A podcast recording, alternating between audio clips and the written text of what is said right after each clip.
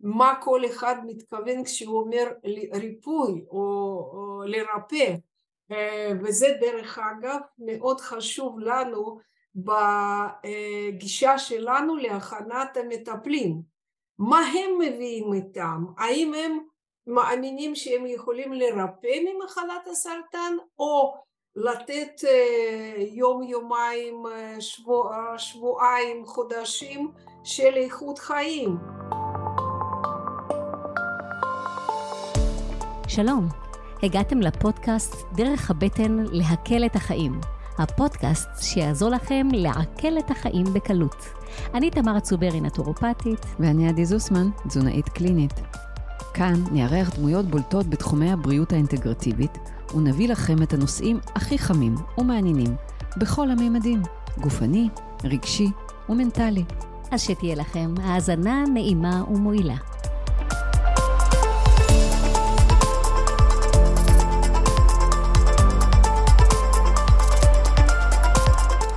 שלום וברוכים הבאים לפודקאסט דרך הבטן להקל את החיים. אני עדי זוסמן. ואני תמר צוברי. ואנחנו כאן... שמחות ומתרגשות לארח איתנו היום את גברת לנה שטרן, היו"ר, המקימה והיו"ר של המרכז לסיוע הוליסטי עבור המתמודדים עם מחלת הסרטן ובני המשפחה. המרכז על שם יורי שטרן. אמרתי נכון? נכון מאוד. משפט ארוך כזה. לנה, ממש ממש כיף שבאת, באמת מאוד מאוד מרגש. תודה על הזמן. וכשתמי שאלה אותי, איך הבאת את לנה? אמרתי, מה זאת אומרת? החוקים ממוסקבה. אז הסיפור הוא באמת מדהים, אבל באמת אנחנו מכירות מעל 40 שנה, נכון. נכון? אני הייתי ילדה, את כבר היית. נשואה ליורי עם שני ילדים, והכרנו בעצם במסגרת של היהודים שככה הכירו ונפגשו ולמדו עברית יחד. לקראת העלייה לארץ, זה היה בסוף שנות ה-70 של המאה הקודמת, זה מוזר להגיד את הדברים האלה, אבל כך היה, ואתם עליתם שנתיים בערך אחרינו, אנחנו עלינו ב-79, אתם עליתם ב-81, גם כן עשיתם הרבה בעיות. אז נמאס לשלטונות הרוסים, החליטו לזרוק אתכם, נכון? נכון מאוד. נכון כן. מאוד. ולמזלנו, למזלנו, זכינו. קודם כל למזלנו, קודם כן. כל למזלנו, כי באמת יצאנו, מה שנקרא, ברכבת האחרונה, התמזל מזלנו, וגם בימים האלה ובשנים האחרונות אני שבה ואומרת אה, לילדים שהם כבר גדולים ולנכדים אה, אתם לא יודעים מה באמת אה, עשינו בשבילכם, במה זכיתם, יחד איתנו כמובן. אבל לנה, אנחנו זכינו עכשיו שעשית עבורנו, באמת אה, איזה תרומה, איזה, איזה עמותת חסד, העמותה שייסדת, ו, ולשם כך אה, נורא חשוב שקודם כל ידעו עליה וידעו קצת לעומק את כל החזון הנפלא אה, והמהות והתכנים בפנים. עמותה מאוד מאוד חשובה, אני בגלל זה נורא התרגשתי שאת איתנו כי אין חסד גדול מזה. תודה. אני ממש עכשיו, לפני שנכנסתי לזום, אה, פרסמתי פוסט אה, על אה, ארבע מתנדבות שלנו, שגם היום הגיעו מכל קצוות הארץ למשמרת שלהם בשערי צדק. Mm-hmm. ועשו שישה עשר טיפולים, כי את יודעת, מחלת הסרטן אין לה חגים. ואין לה מועדים לשמחה, אז אה, לכן אנחנו מנסים לעשות אה, כל מה שאפשר, וזה דבר אה, באמת מדהים. זאת אומרת, תודה למתנדבים שלנו, קודם כל. אז, אז מאוד מאוד חשוב לנו ככה לתת רקע כללי, כן. ולתת בכלל, בואו נתחיל מההתחלה, שמדובר פה בעמותה שתספרי לנו קצת את המהות והחזון שלה. בסדר. אז, אה, באמת אנחנו ככה עושים fast forward, אנחנו נחזור ליורי והכל, אבל בואי ספרי כן. לנו כרגע מה זה המרכז הזה, מה אתם עושים, מה המהות שלו. כן, אז קודם כל העמותה שלנו קיימת אה, כבר אה, יותר מ-15 שנה, אנחנו הקמנו עמותה ב-2007, באמת בעקבות, אה, בעקבות פטירה של בעלי יורי שטרן, זיכרונו לברכה, ומאז אנחנו פועלים בבית חולים שערי צדק, במרכז הרפואי שערי צדק, והקמנו גם שתי קליניקות קהילתיות בירושלים ובהרצליה, אבל העיקרון, לא אבל, מה, מה בעצם אנחנו עושים, ואני תמיד, לא שאני מתקשה, אבל קשה, די קשה להעביר את האסנס, את המהות של מה שקורה. הרי אנחנו כולנו מכירים טיפולים הוליסטיים, ברוך השם זה אחד מהתחומים המאוד מפותחים בארץ, אבל לפני כך וכך שנים זה לא היה ממש מקובל לתת טיפולי מגע למשל בתוך הבית החולים לחולי סרטן. כי היו כל מיני דעות לגבי זה, מה זה מגע, מה זה, יכול, מה זה מגע למתמודדים עם מחלת הסרטן, האם זה משפיע לטובה, לרעה, האם יש הוכחות לכך שזה טוב וכולי וכולי, ופה אני רוצה להגיד באמת, אני רוצה להגיד שהמרכז רפואי שערי צדק זה אחד ממקומות המיוחדים ביותר בארץ. באיזה מובן? במובן שזה בית אה, תומך בהמון המון מובנים אה, אה, במטופלים. זאת אומרת זה מקום שזה אה, בית חולים הראשון שלמשל ליווי רוחני, העמותה לליווי רוחני התחילה לעבוד בשערי צדק. אה, אנחנו התחלנו לעבוד בשערי צדק ב-2007, יש המון אה, כמובן ליצנים רפואיים, מתנדבים וכו' וכו', מכל צד מנסים באמת לתת אה, איזשהו טיפול תומך, תומך סלש פליאטיבי למטופלים, וזה הודות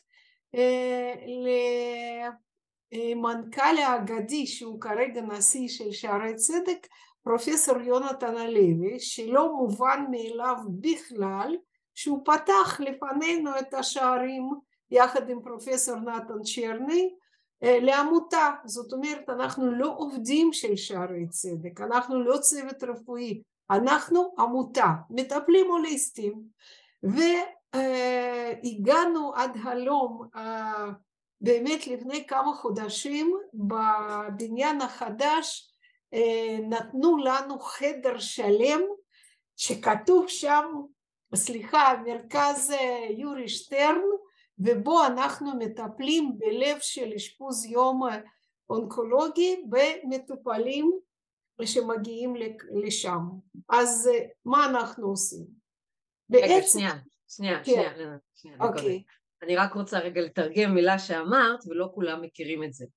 כשמסתכלים על טיפול של חולי סרטן מדברים על שני סוגי uh, טיפולים. יש את הטיפול הקורטיבי שעובד יותר באמת על הריפוי, להביא את הבן אדם להחלמה מלאה, אבל יש גם את הטיפול הפליאטיבי שזה הטיפול התומך, שהוא יותר עובד על איכות חיים, על הורדת סימפטומים וכדומה. נכון? נכון. אוקיי, אתם משתלבים בשני לגמרי, לגמרי. אוקיי, את יכולה... דרך אגב, בסוגריים, בסוגריים. כן. המושג פליאטיבי, או אנחנו הרבה פעמים משתמשים בו אה, בהקשר, אה, נכון, לאיכות חיים, אבל לשלבים אולי אחרונים של החיים, או למחלות אה, ללא ריפוי וכו' וכו'. וכן, יש כאלה שסבורים שטיפול פליאטיבי צריך לתת מהיום הראשון של טיפול קונבנציונלי שהוא בעצם המקביל וזה לא לגמרי קשור רק לסוף החיים, אז זה רק בסוגריים. אבל זה מאוד אנחנו... חשוב מה שאת מציינת, כי באמת הרבה אנשים תופסים את הטיפול הפליאטיבי סוג של הוספיס כבר, כזה סוף כן. הדרך. כן. לא, את אומרת במקביל. אז לא, כן, ויש כנסים לרפואה פליאטיבית ותומכת שהמושגים האלה הם אה, מתפתחים שם ואפשר באמת להבין לעומק מה, איזה עבודה נעשית שם. אז מה בעצם, שנייה, אני רק רוצה לספר על מודל של עבודה שלנו. המודל הוא כזה, אנחנו מגייסים מטפלים אה, הוליסטיים מוסמכים, אך ורק מוסמכים בתחומי מגע, רפואה סינית וטיפולים רגשיים. הם עוברים אצלי מכל מיני מכללות בארץ, אבל אה, בעיקר ממכללות גדולות, אה, ואלה שהוכיחו את עצמם, כמו מכללת רידמן, ברושים וכולי וכולי, אני, אה, מכיוון שאני בעצמי וכל הצוות שלנו הם בוגרי מכללת רידמן, אז בשבילי זה אלמה מאטר, וסליחה זאת העדפה אישית שלי, אבל זה לא משנה. אה, אנחנו, אנשים מגיעים מכל הארץ, אה, מתנדבים ומתנדבות, אלה שרוצים להיות מתנדבים, ואז הם חייבים לעבור כמה שלבים. אה, אחד מהם זה קורס הכשרה שלנו, מאוד מושקע ומעמיק, שהוא נקרא קורס הכשרה למתנדבים החדשים בשדה האונקולוגי. זאת אומרת, הוא נותן כלים למטפלים מוסמכים איך, אמ, איך לטפל בשדה האונקולוגי.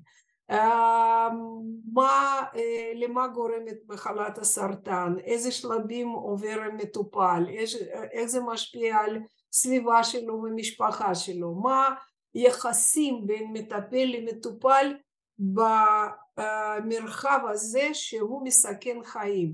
מה מטפל עצמו אומר לעשות עם עצמו כדי להיות מסוגל לטפל באנשים ו- ולהכיל את הסבל, את הכאב, גם את השמחה, אבל ולא להיות יועץ, רק להקשיב, רק להכיל ולתת כמובן את הטיפול המתאים ברגע זה, שהוא מותאם לשלב המחלה שהמטופל נמצא בו, שאנחנו כמובן מטפלים גם בבני משפחה אבל עוד רגע. אז זה הקורס, אחרי זה אה, אה, מתנדבים אה, שנשארים, כי לא כולם מגיעים עד הסוף כמובן, כי זה נושא מורכב מאוד וזה ברור מאליו.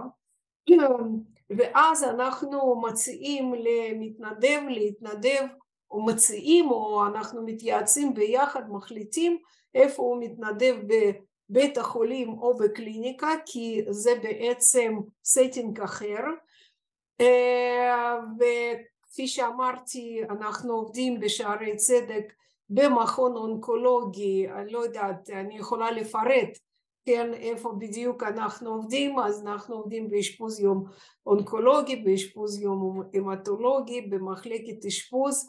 הבית חולים עצמו לפני חמש שנים הזמין אותנו לעבוד בבית חולים לילדים ושם אנחנו עובדים לא רק עם ילדים אונקולוגיים אלא התפרסנו בכל בית החולים, למשל טיפול נמרץ, למשל דיאליזה, אה, מחלקת כללית וכירורגית, אשפוז יום, פגייה, ורוצים אותנו באמת בכל מקום ושם אנחנו עובדים בשיטת דיאדה.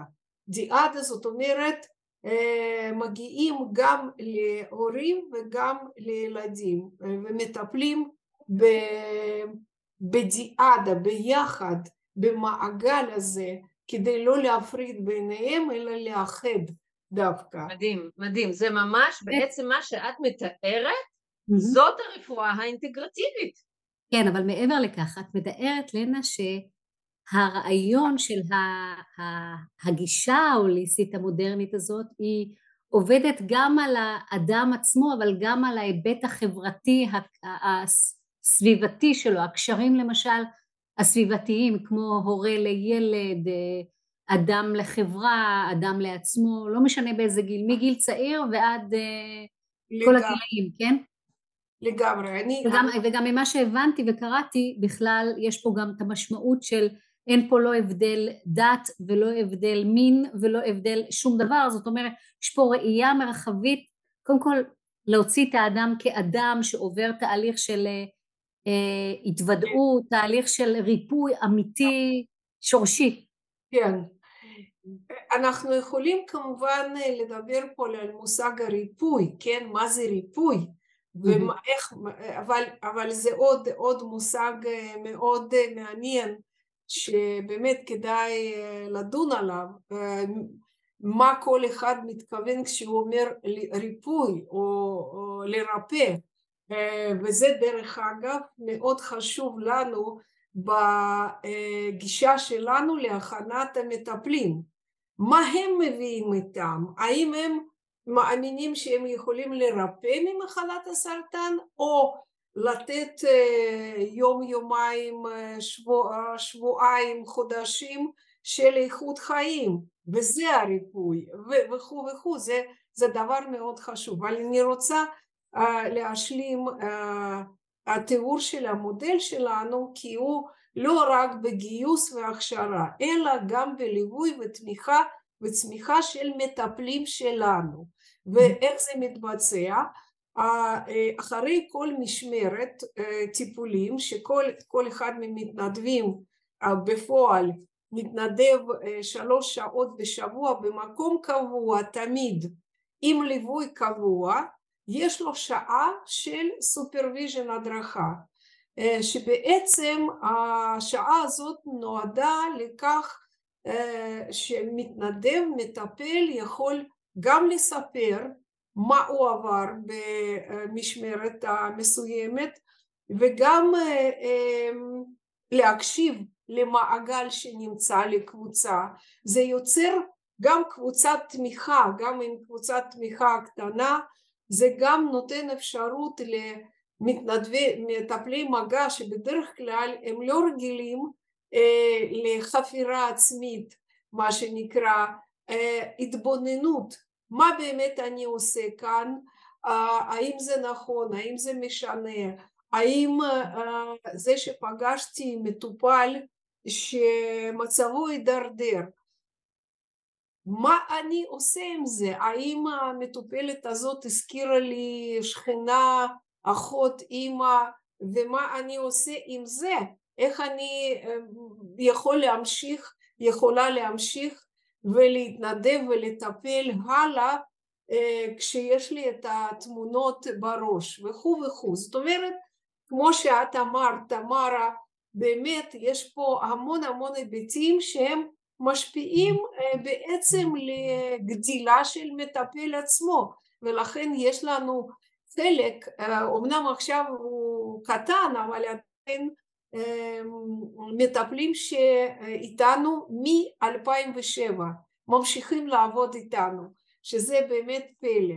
זה עוגן, זה בדיוק העניין, כולנו, אין הפרדה בין מטפל למטופל, כולנו פה רקמה אנושית אחת. את, את, את, אני, אני קראתי את האתר וקראתי, והמילה רקמה אנושית אחת מתארת בעצם את האחדות הזאת של מפגש אדם לאדם, ועבודת ריפוי היא תמיד דו צדדית, ואין מקרה שאנשים נפגשים. וגם uh, המטרה שלנו היא באמת להדהד ולייצר שם איזשהו uh, מרחב, מרחב אפשור. ובאמת uh, מה שיפה לראות שאחד הדברים uh, שבאמת אתם מתארים בעשייה היא גם הנושא של איך uh, לא רק לגרום לאדם לבחור את הריפוי ואת החיים מחדש ואולי באמת בעקבות זה לפרוס לעצמו נקודת שינוי וחזרה למסלול החיים גם עבודה על המשפחות שלהם שתומכות ועוברות את השינוי אבל גם אנשים שבעצם נמצאים כבר בדד אנד וצריכים לעבור למימד האחר גם שם עושים תהליך של פיוס. זה מה שהבנתי שזה כן. חשוב מאוד. ברור ברור. ואנחנו תמיד יש לי כמה דברים להתייחס אליהם למה שאמרת תמרה. א' כל אנחנו עכשיו נמצאים באחת התקופות המורכבות וקשות בחברה שלנו ואנחנו כצוות ואני כל הזמן גם היום שולחים מסרים בקבוצות וואטסאפ שלנו למטפלים. אנחנו קודם כל מטפלים, אנחנו מעל המחלוקת בתפקיד שלנו כמטפלים, יש לנו כלים שיכולים לאפשר לנו גם כמטפלים בבני אנוש לנשום וגם לעזור, בדיוק כמו שאמרת, ללא באמת הבדל האם בן אדם הצביע, לא יודעת, לאיזה מפלגה או, או שעוד השקפות עולם שלו, שזה לדעתי כרגע שורש הבעיה, איך אנחנו חוזרים להשקפה הוליסטית, אוקיי? ורואים את הבני אנוש קודם כל, לפני הכל. אז, אז זה דבר אחד. עכשיו לגבי באמת שלבי המחלה והקושי שהוא קיים, קושי, קושי מאוד ריאלי, מאוד uh, גדול ופרקטי, אז uh, פה אני רוצה להגיד, כי אני מבינה שמטפלים מקשיבים לכם, שיש uh, הרבה פעמים uh, מטפלים מתמקצעים באיזה נושא אחד, רפלקסולוגיה, עיסוי, גם נטורופתיה או מה שזה לא יהיה, ויש דברים שהם קצת יותר מרחיבים, כמו למשל ליווי רוחני, כן? שכאן אני יכולה להמליץ על עמיתה, קולגה, מורה שלי, רחל אתון למשל, שעושה עבודה יוצאת מן הכלל גם בעמותה של החברות שהיא הקימה לזכרה של רות בת שלה וגם במרחב בכלל רפואי רחב. ולא נכון אנחנו כל הזמן מגיעים לאיזה רובד וואו למדתי כמה אפשר כמה עוד אפשר וכן זה מאלץ אותנו לעלות עוד יותר מעל עצמנו ולראות מחדש מה באמת אנחנו עוד יכולים ללמוד ו... ואיך לצמוח מזה. אז אולי... אני באמת להתייחס, כי את יודעת, אני מקשיבה לך ואני מבינה ש... הראייה שלך היא הוליסטית לא רק במובן הרב מקצועי של הטיפול בחולים ובני המשפחה. זה שזה נוצר להיות לחולים ובני משפחה זה ברור, את היית בת זוגו של יורי בזמן, את היית בת זוג שלו והיית שם גם כשהוא חלה, אבל ההסתכלות שלך גם על המטפלים כאנשים שזקוקים לתמיכה וליווי וטיפול, זה בעצם השאלה התמיד נשאלת מי מטפל במטפל? וכמה, את הזכרת את הנושא של מקצועות המגע, אני רואה את זה בעולם של הדיאטניות, כמה אין מספיק מודעות שכל מי שנמצא בעולם הטיפול חייב להיות כל הזמן באיזושהי מסגרת של הדרכה ותמיכה קבועה, כי אחרת זה המפעל, זה המפעל שבעצם מאפשר לתת והנתינה היא תמיד דו צדדית. אפרופו כן. נון תף נון נתן, זה תמיד דו כיווני. כן, כן את, את קוראת לזה מפעל, אני קוראת לזה כלי שלנו, ואני פה רוצה ברשותך לחזור אולי קצת להתחלה, איך זה הכל התחיל ולמה נכון. בעצם הרווחה של מטפלים אה, וצמיחה שלהם אה, עומדת מול עיניים, מול העיניים שלי אני. עברתי הרבה מאוד גלגולים אה, בקריירה המקצועית שלי, בזמנו סיימתי אוניברסיטה של מוסקבה, פקולטה של כלכלה, ואחר כך הפכתי, את, אה, עזבתי את המקצוע ולמדתי שזירת פרחים, הייתי שוזרת של בית הנשיא וכל מיני הייתה לי סטודיו לעיצוב פרח. זוכרת מי שזר לי את הזר שלי לחתונה. כן. ואחרי אחד מהמשברים האישיים שלי הלכתי ללמוד פסיכותרפיה גופנית שבעצם מהר מאוד הבנתי שאני רוצה להיות מטפלת ולא רק לטפל בעצמי. ואז כשנודע על כך שיורי חלה, זה קרה כשהוא היה כבר עשר שנים חבר הכנסת ואיש ציבור, אני האמנתי מאוד מאוד הייתה לי השקפת עולם באמת הוליסטית עוד יותר ממה שהיא כרגע, קצת איך לומר את זה, הניסיון חיים שינה לי קצת את השקפת העולם שלי, אבל אני בעצם ארגנתי סביב יורי ממש מרגעים הראשונים שנודע לנו, ונודע לנו כבר כשהסרטן היה מפושט לצערנו הרב, מערכת מאוד גדולה של טיפולים, ממש מתזונה עד מדיטציה ודיקור סיני וטיפולי מגע, הכל, הכל. ואני, ואז אני בעצמי עברתי תוך כדי זה טיפולים עד היום, כן, טיפולים אצל פסיכותרפיסט או פסיכולוג וגם כשכבר מצב נהיה יותר קשה ויורי היה בבית חולים והגיע אליו למשל מטפל שיאצו אז כל אחד מאיתנו ילדים שלי, אני ויורי קיבלנו כל אחד 15 דקות של מגע. זאת אומרת התובנה הזאת שצריך לטפל במטפל הייתה בי מאוד חזקה משנייה ראשונה ואז כש... ובכלל עדי ביקשה ממני להיזכר בכל מיני קטעים מצחיקים והיו כאלה כמובן אבל הקטעים מצחיקים היו קשורים לראייה הזאת ההוליסטית. למשל לפני כימו הראשון אני חשבתי איך אפשר להמתיק את החוויה כי חוויה לפני טיפול כימותרפיה הראשון תמיד ואנחנו רואים את זה עכשיו איך אנשים מתעלפים או מקיאים בכניסה לאשפוז יום.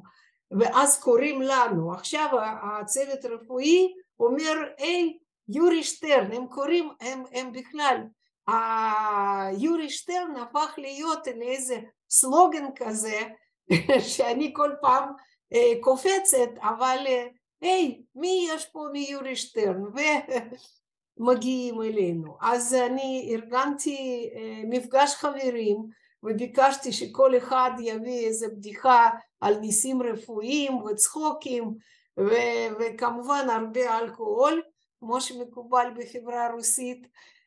וככה ציידנו את יורי לדרך בצורה אופטימית וטובה. זה היה אחד מהדברים הראשונים בדרך עברנו גם חופה זאת אומרת הברית המחודשת אחר כך יורי כתב הכתיב את הזיכרונות שלו למישהו שהפך להיות אחר כך ספר וגם כש באמת היו כבר ימים יותר, הרבה יותר קשים, אז עשינו מעגלי ריפוי ממש בתוך החדר שלו, עם מוזיקה, עם שירה, עם תפילה, וככה הכרתי המון אנשים שכולם, כולם עכשיו מתנדבים אצלי, כולם. זה באמת... זה מדהים, זה מדהים. ספרי את הסיפור הזה שהוא התנצל שהוא לא יכול לקום, כן, האביר המנומס. כן, זה היה שהוא היה באמצע, באמצע החדר, שכב כמובן, כי הוא כבר לא יכול לקום בכלל, במיטה שלו ואנחנו עשינו מדיטציה עם עיניים עצומות, כל החברות שלי ואז הוא פתאום פותח עיניים ומחייך ואומר סליחה כבר עוד שאני לא יכול לכבד אתכם ולקום רגיש. כן, אז היו הרבה קטעים כאלה.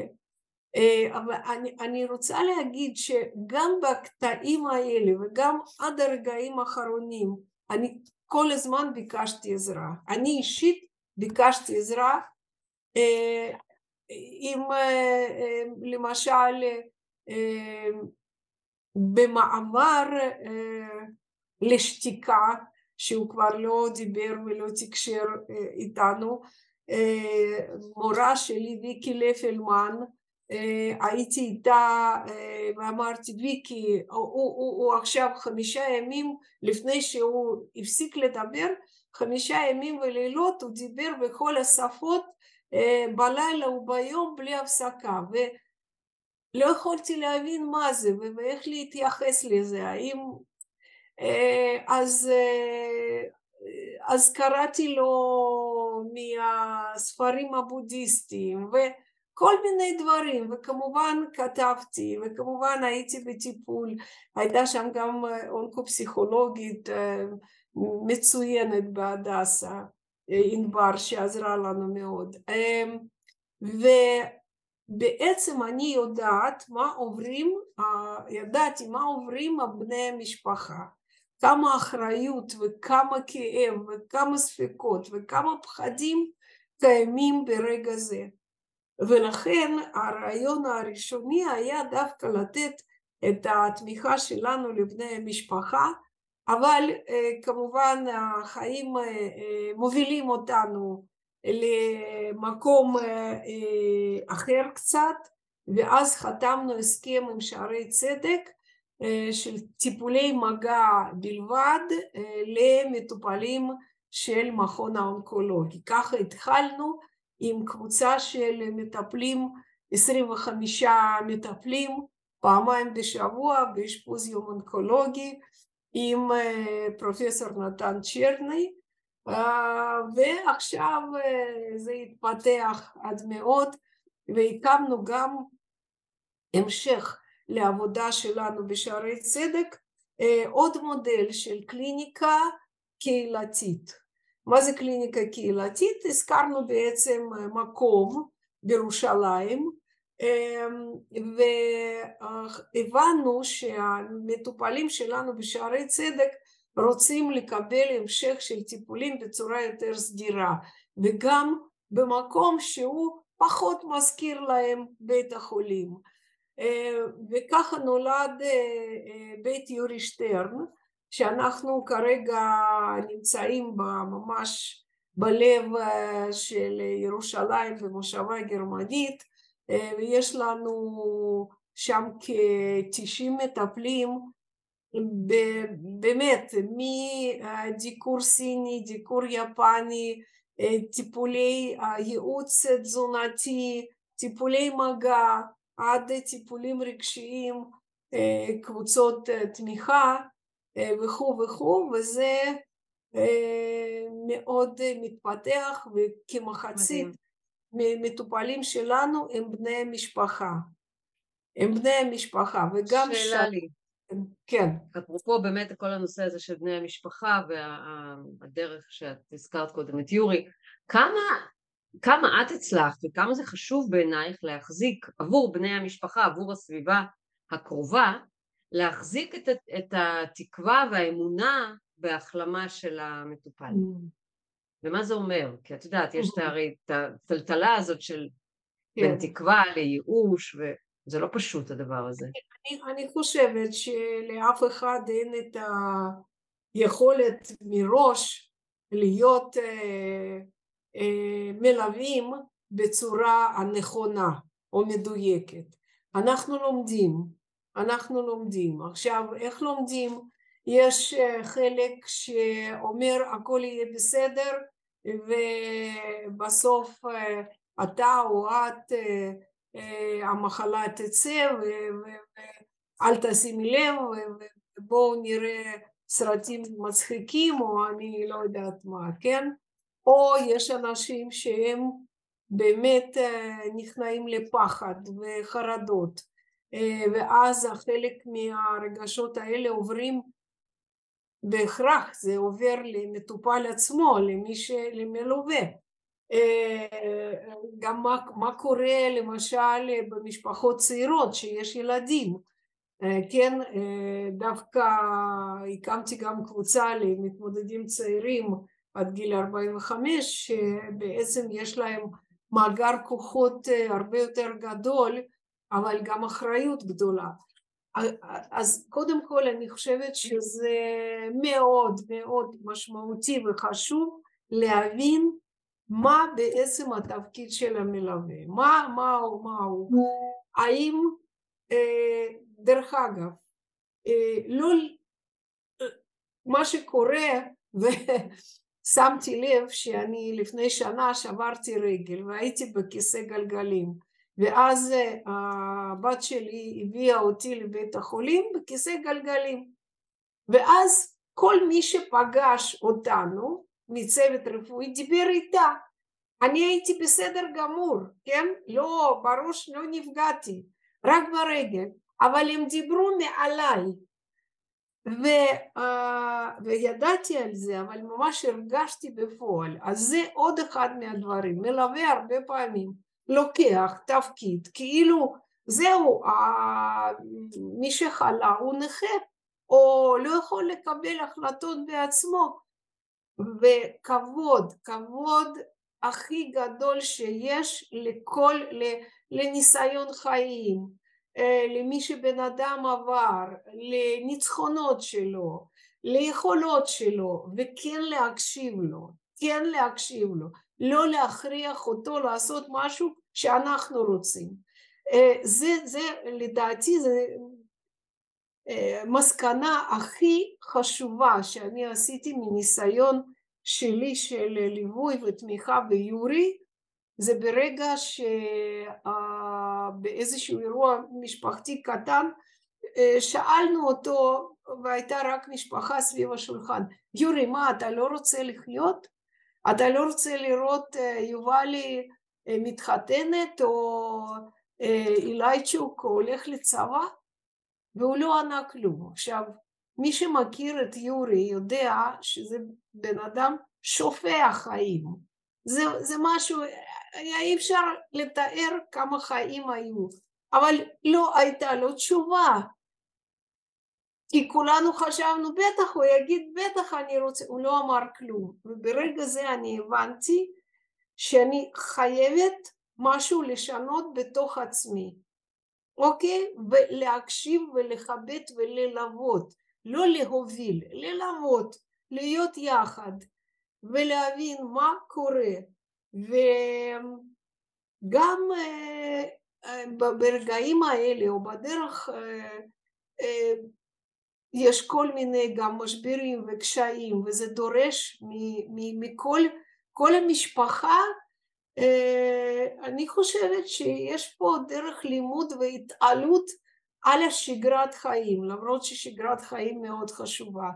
זה דורש מאיתנו באמת להבין מה חשוב לבן אדם הזה, לבת אדם, ברגע זה, מה הוא כן רוצה, כן להגשים חלומות, יש על זה ספר נפלא, סרטן כנקודת מפנה, כן, מכירים אותו, אז יש שם שאלון מקסים, איזה חמישים שאלות שאפשר בעצם, זה נקודת מבט אחרת על החיים, אבל קודם כל כבוד, קודם כל כן לתת, להקשיב ולהבין מה הצורך המיידי, האם אפשר לחבר בין ה...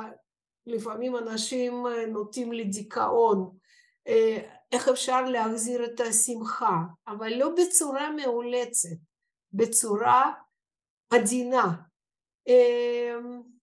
זה ממש, זה ממש כמו לנהל את כל העולמות הרגשיים ולהניח אותם בין המקום של המעורבבות למעורבות, זה לעשות סוג של סדר, סדר במצב הקיים, זה לנהל מצב, לנהל מצב קיים וכשבאמת ממה שאני שומעת זה כשאת פותחת את אוקיי, כשבן אדם נמצא ברמת חולי, נקודת, המפ... נקודת הצפייה שלו, נקודת הראיית חיים שלו, משמעות החיים שלו, משתנה.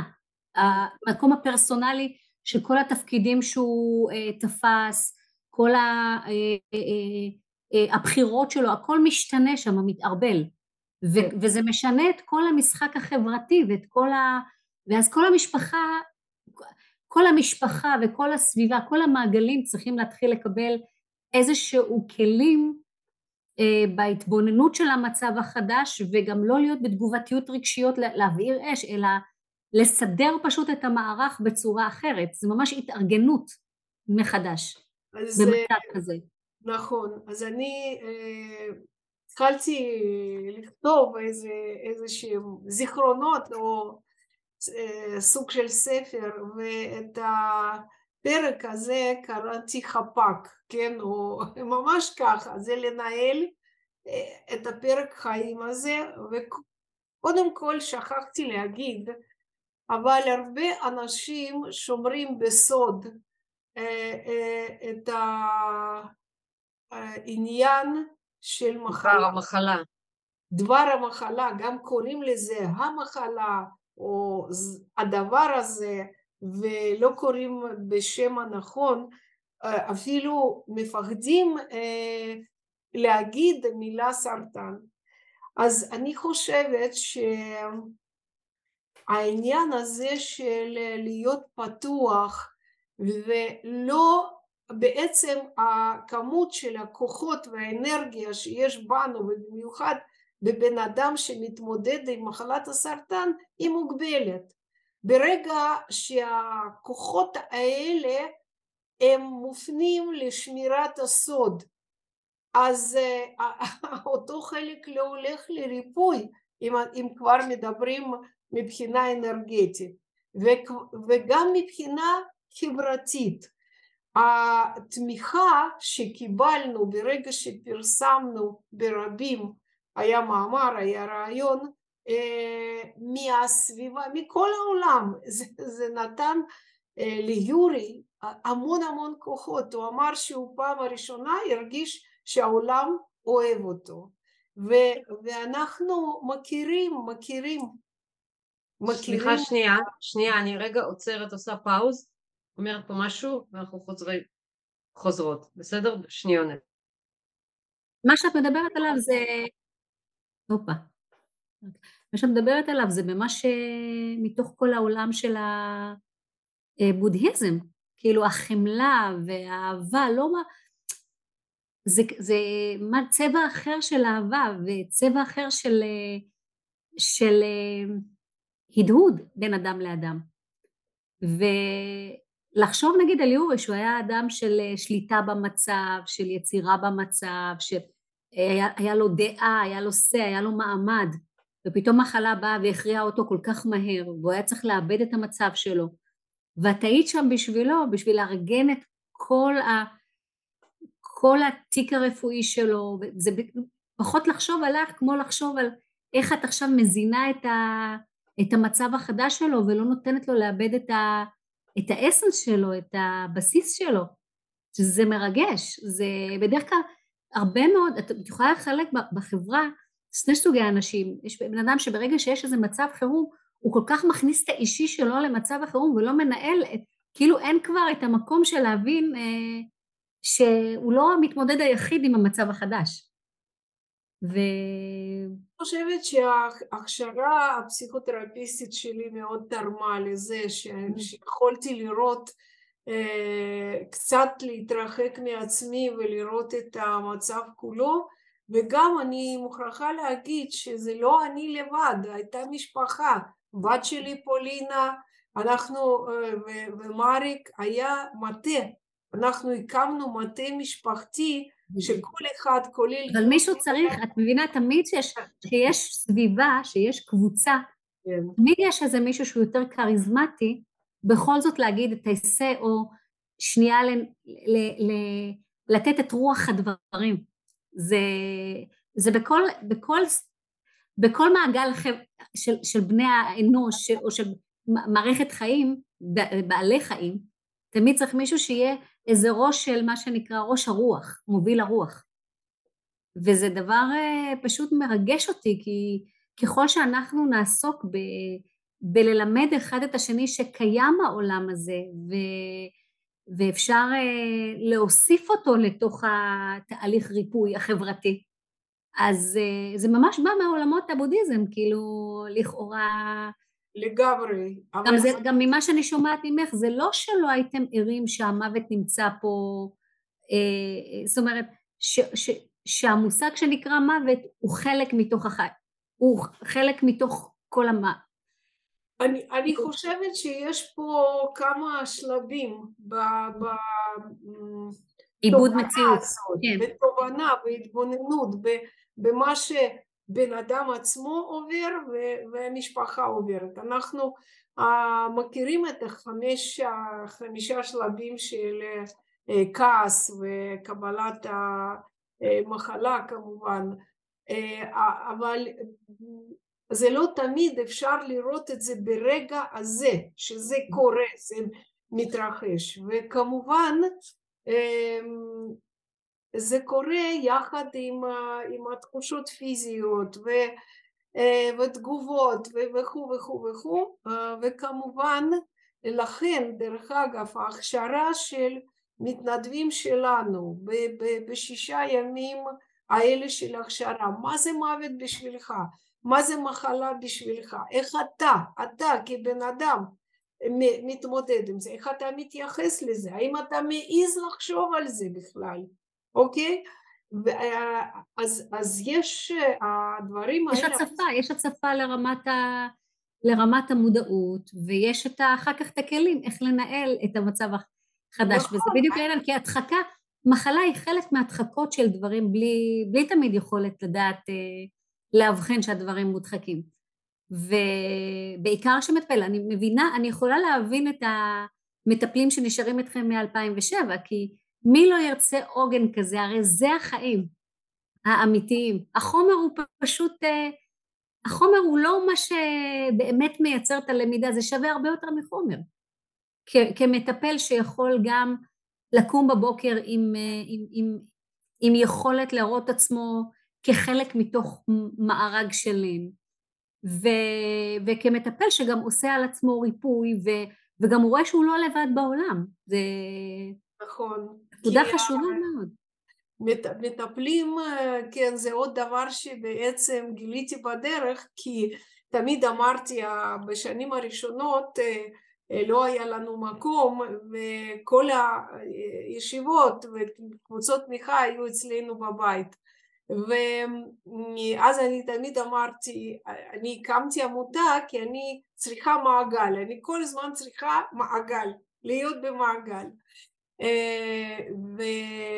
ומתנדבים רבים אחרי זמן שהם נמצאים איתנו מבינים שבעצם המקצוע הטיפולי כשאתה נמצא בחדר אחד על אחד ואין כל כך עם מי לדבר על מה שאתה עובר.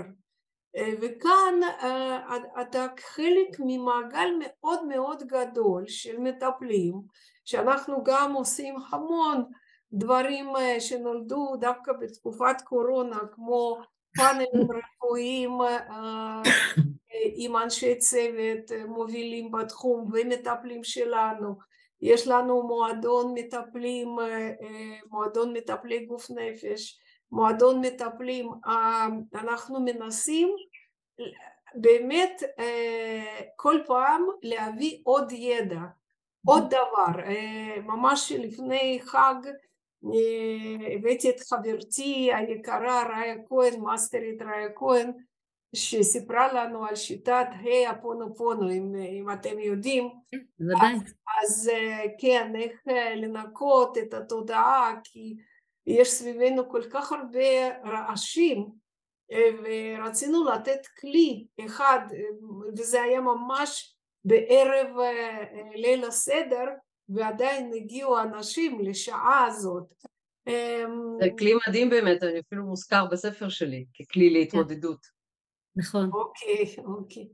ופה אולי אני, אני רוצה להגיד, כי זמן רץ ממש, שעם כל ההצלחות שלנו, ויש הצלחות רבות, כי, כי העמותה קיבלה גם אות הוקרה ממשרד הבריאות וגם חברה רפואית אינטגרטיבית, אנחנו עמותה, וכעמותה לא תמיד יש לנו את האמצעים הרבים מאוד כדי עוד ועוד לתמוך ולהמשיך להתפתח. ולכן מדי פעם אנחנו עושים כל מיני אירועים שתורמים לנו, ובעוד שבועיים מקיימים... עוד שבועיים איזה תאריך? ב-21 לרביעי, 23, כן. לא, 21. לא, 21 לרביעי 2023. אה, נכון, לגמרי. כן, כן, כן, ביום שישי. להגיד שאנחנו מקליטים פה בחול המועד, פסח. כן, אנחנו... זה לא עולה ב live. כן. נכון מאוד. אז אנחנו בעצם יוצרים אירוע כזה של הפנינג של חמש שעות, פסטיבל אביב בבית יורי שטרן. התרמנו כל מיני יצרני של בגדים ומעצבים ואוכל ומוזיקה וקבלת שבת ומזמינים אנשים לבוא ולקנות דברים וליהנות ויש לנו גם מתחם טיפולים שיעבוד את כל השעות האלה טיפולים קצרים עם מטפלים הכי הכי טובים שלנו ובהזדמנות הזאת אני מזמינה מי ששומע אותנו להגיע זה גם אירוע התרמה בצורה אחרת בתחפושת אחרת בוא נגיד ככה כיום העמותה מתקיימת מתרומות נכון? העמותה מתקיימת קודם כל מתמיכה של משרד הבריאות שנתית. העמותה מתקיימת מתמיכה של שערי צדק שבאמת זה גם משהו יוצא דופן שבית חולים עצמו אומנם זה תרומה יחסית צנועה אבל עדיין עדיין הם מבינים שאנחנו תורמים אנחנו בעצם חלק ממערך התמיכה, חלק מצוות רפואי, זה דבר, אני כל פעם מתרגשת מזה מחדש באמת, יש לנו כרגע פרופסור ניר פלד, הוא עומד בראש של מכון האונקולוגי, איש יוצא דופן, באמת, שמאוד מאוד עוזר לנו ועוזר ותומך בפעילות שלנו. מקצת מעיריית ירושלים, קליניקה בבית החולים טיפולים בחינם לכל מי שנמצא שם. ובקליניקה טיפולים עולים 85 שקלים. ואז זה בעצם גם זרוע כלכלי שלנו. בירושלים ובהרצליה וגם תורמים פרטיים. אז גם אירוע כזה הוא בשבילנו אירוע. גם אני מרגישה צורך בעת הזאת לאגד אנשים, להביא אנשים ופשוט להיות ביחד ולשמוח.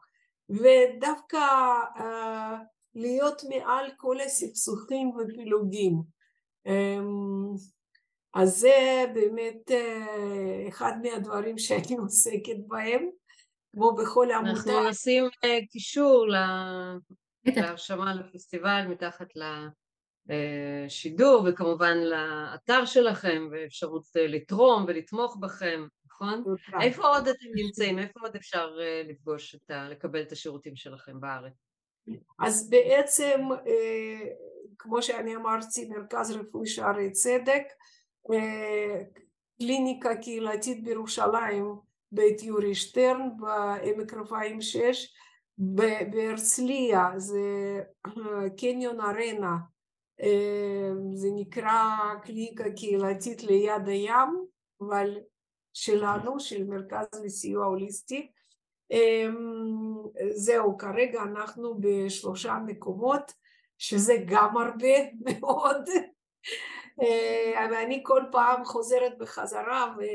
ונזכרת בקבוצה מצומצמת של 25 אנשים שיצאנו לדרך ובחיים לא יכולתי לתאר לעצמי שיקיים את הרעיון איתכם כעבור כמעט 16 שנה אז באמת החיים מפתיעים.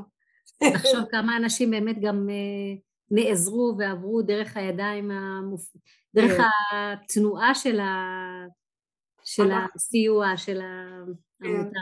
כן. בשנה, בשנה על פי דיווח הרשמי שלנו למרק... למשרד אמ, הבריאות, אנחנו עושים כ-12 אלף טיפולים. וואו. כל שנה, ו... וזה באמת הודות למטפלים שלנו, אה, שבאמת אני חושבת שהעניין הזה שאת דיברת עליו, חברתי, כן, המעורבות חברתית, שואלים אותי למה מתנדבים? למה מתנדבים? אבל יש משהו באנשים האלה שהם מתנדבים, משהו טהור וזך. אנושי, אנושי. אנושי וגבוה, ואנשים שבאים מבת ים ומתל אביב, ואנשים שבאים לפעמים מחיפה ומכל היישובים סביב ירושלים, ולא משנה מה קורה בדרך, זה דבר יוצא דופן, אני לא, לא יודעת להעריך את זה אפילו, זה באמת נס, ולהיות במהות הזאת, אה, אני חושבת שממש זכיתי. כן, יש פה כמה גורמים, זה גם זה וגם גם כל הנושא של באמת אה, שהצלחת להביא את זה לרפואה שהייתה עד אז בחשיבה אה, מסוימת ושינית כן. חשיבה בפנים ואיך אומרים, תוצאות לא מתווכחים, הנה זה גודל, הנה זה... אבל אה, אנחנו חלק, לא, לא, אנחנו לא לבד בדרך הזאת. בסדר, אבל זה כל היופי, זה כל היופי, שבאמת אה, יש מקום להכל. כן. אני... הוליזם זה דבר שלם, זה לא, לא נכון, רק... רק אני, כן. אני חושבת שבאמת לא, לא מזמן השתתפנו ביום עיון של רפלקסולוגים בבית חולים לין. שבעצם אספו שם נציגים, דווקא התמקדו הפעם ברפלקסולוגיה אונקולוגית מ-13 או 12 מרכזים רפואיים בארץ, כל אחד הציג את המודל שלו. עכשיו לחשוב שבכל מקום בארץ, בכל בית, כמעט בכל בית חולים, כן קיים אגף לרפואה משלימה, זה דבר יוצא דופן. באופן רשמי בהדסה עין כרם במחלקת לידה יש חמישה מדקרות שמלוות את הנשים תוך לפני לידה, תוך כדי לידה ואחרי לידה. זה, והן עובדות של הדסה. זה, זה דבר יוצא, מה, איפה, איפה יש דבר כזה? אז באמת קורים דברים. ו... האמת שזה באמת נשמע כמו ימי המשיח. כן. רפואה אינטגרטיבית פר אקסלנס. ממש, כן. ממש. ואני מקווה שאנחנו... לנה, לפני שניפרד, בא לי ככה בכל זאת לשאול אותך איזו שאלה יותר אישית.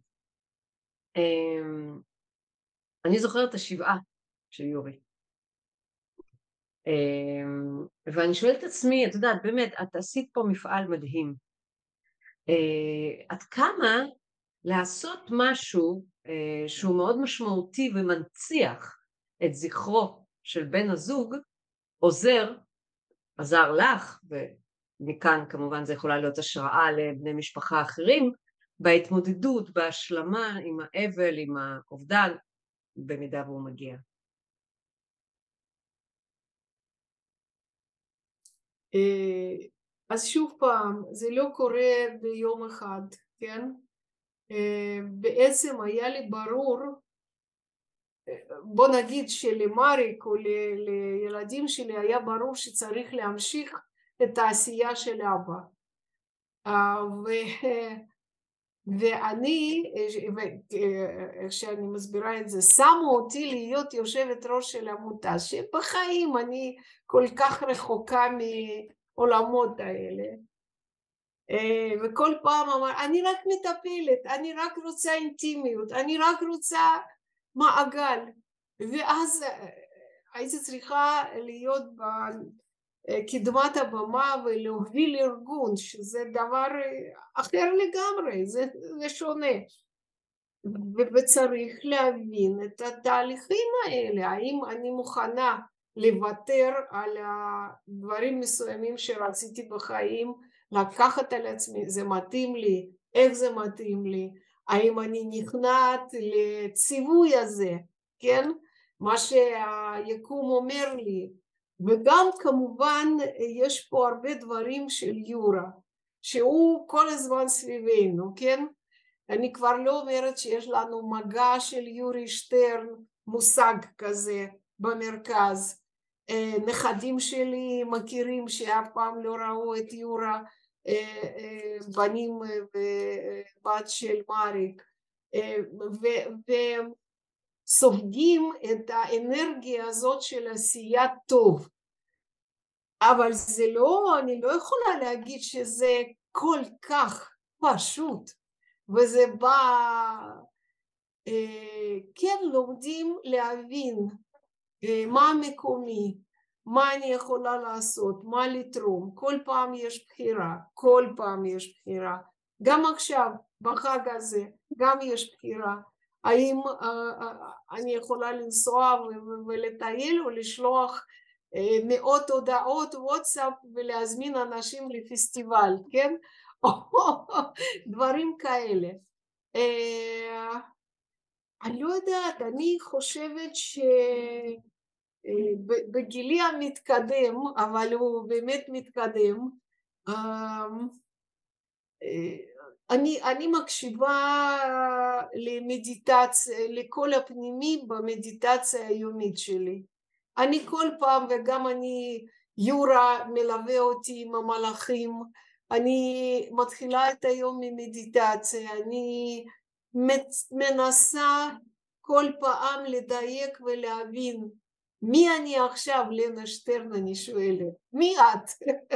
את באמת, לנה שטרן. אם היו שואלים אותך היום, מי את, לנה שטרן?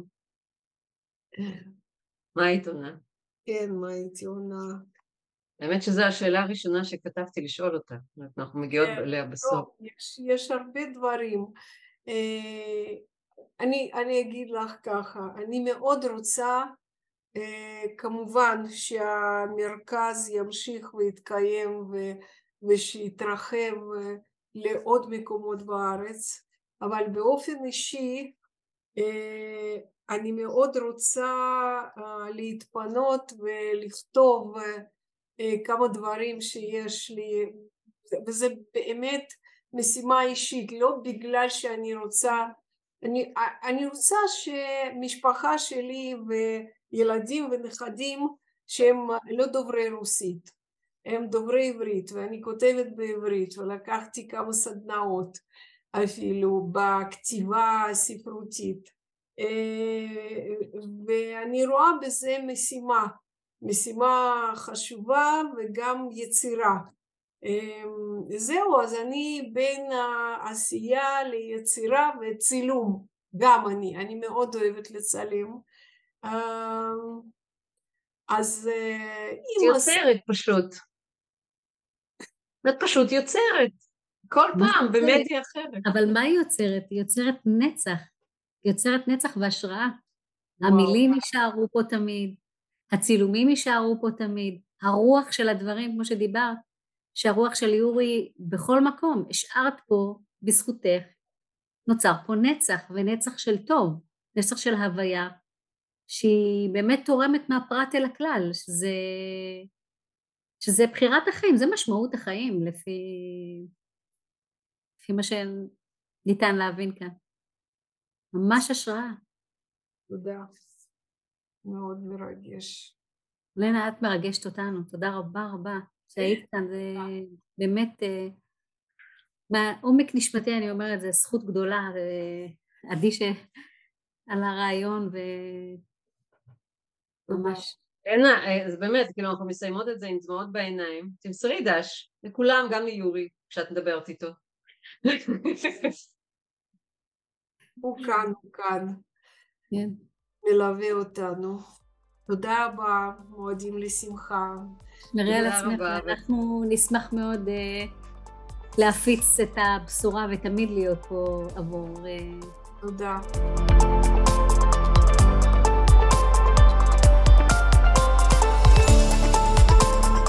תודה רבה שהאזנתם לפודקאסט דרך הבטן להקל את החיים. אז אם נושא הבריאות האינטגרטיבית בנפשכם, מוזמנים לעקוב אחרינו, דרך הכישורים במדיות השונות, פייסבוק, אינסטגרם ועוד, לדרג חמישה כוכבים את הפודקאסט. ולשתף את השפע הזה עם משפחה וחברים. אני הייתי עדי זוסמן, תזונאית. ואני תמר צוברי, נטורופטית. להתראות בפרקים הבאים.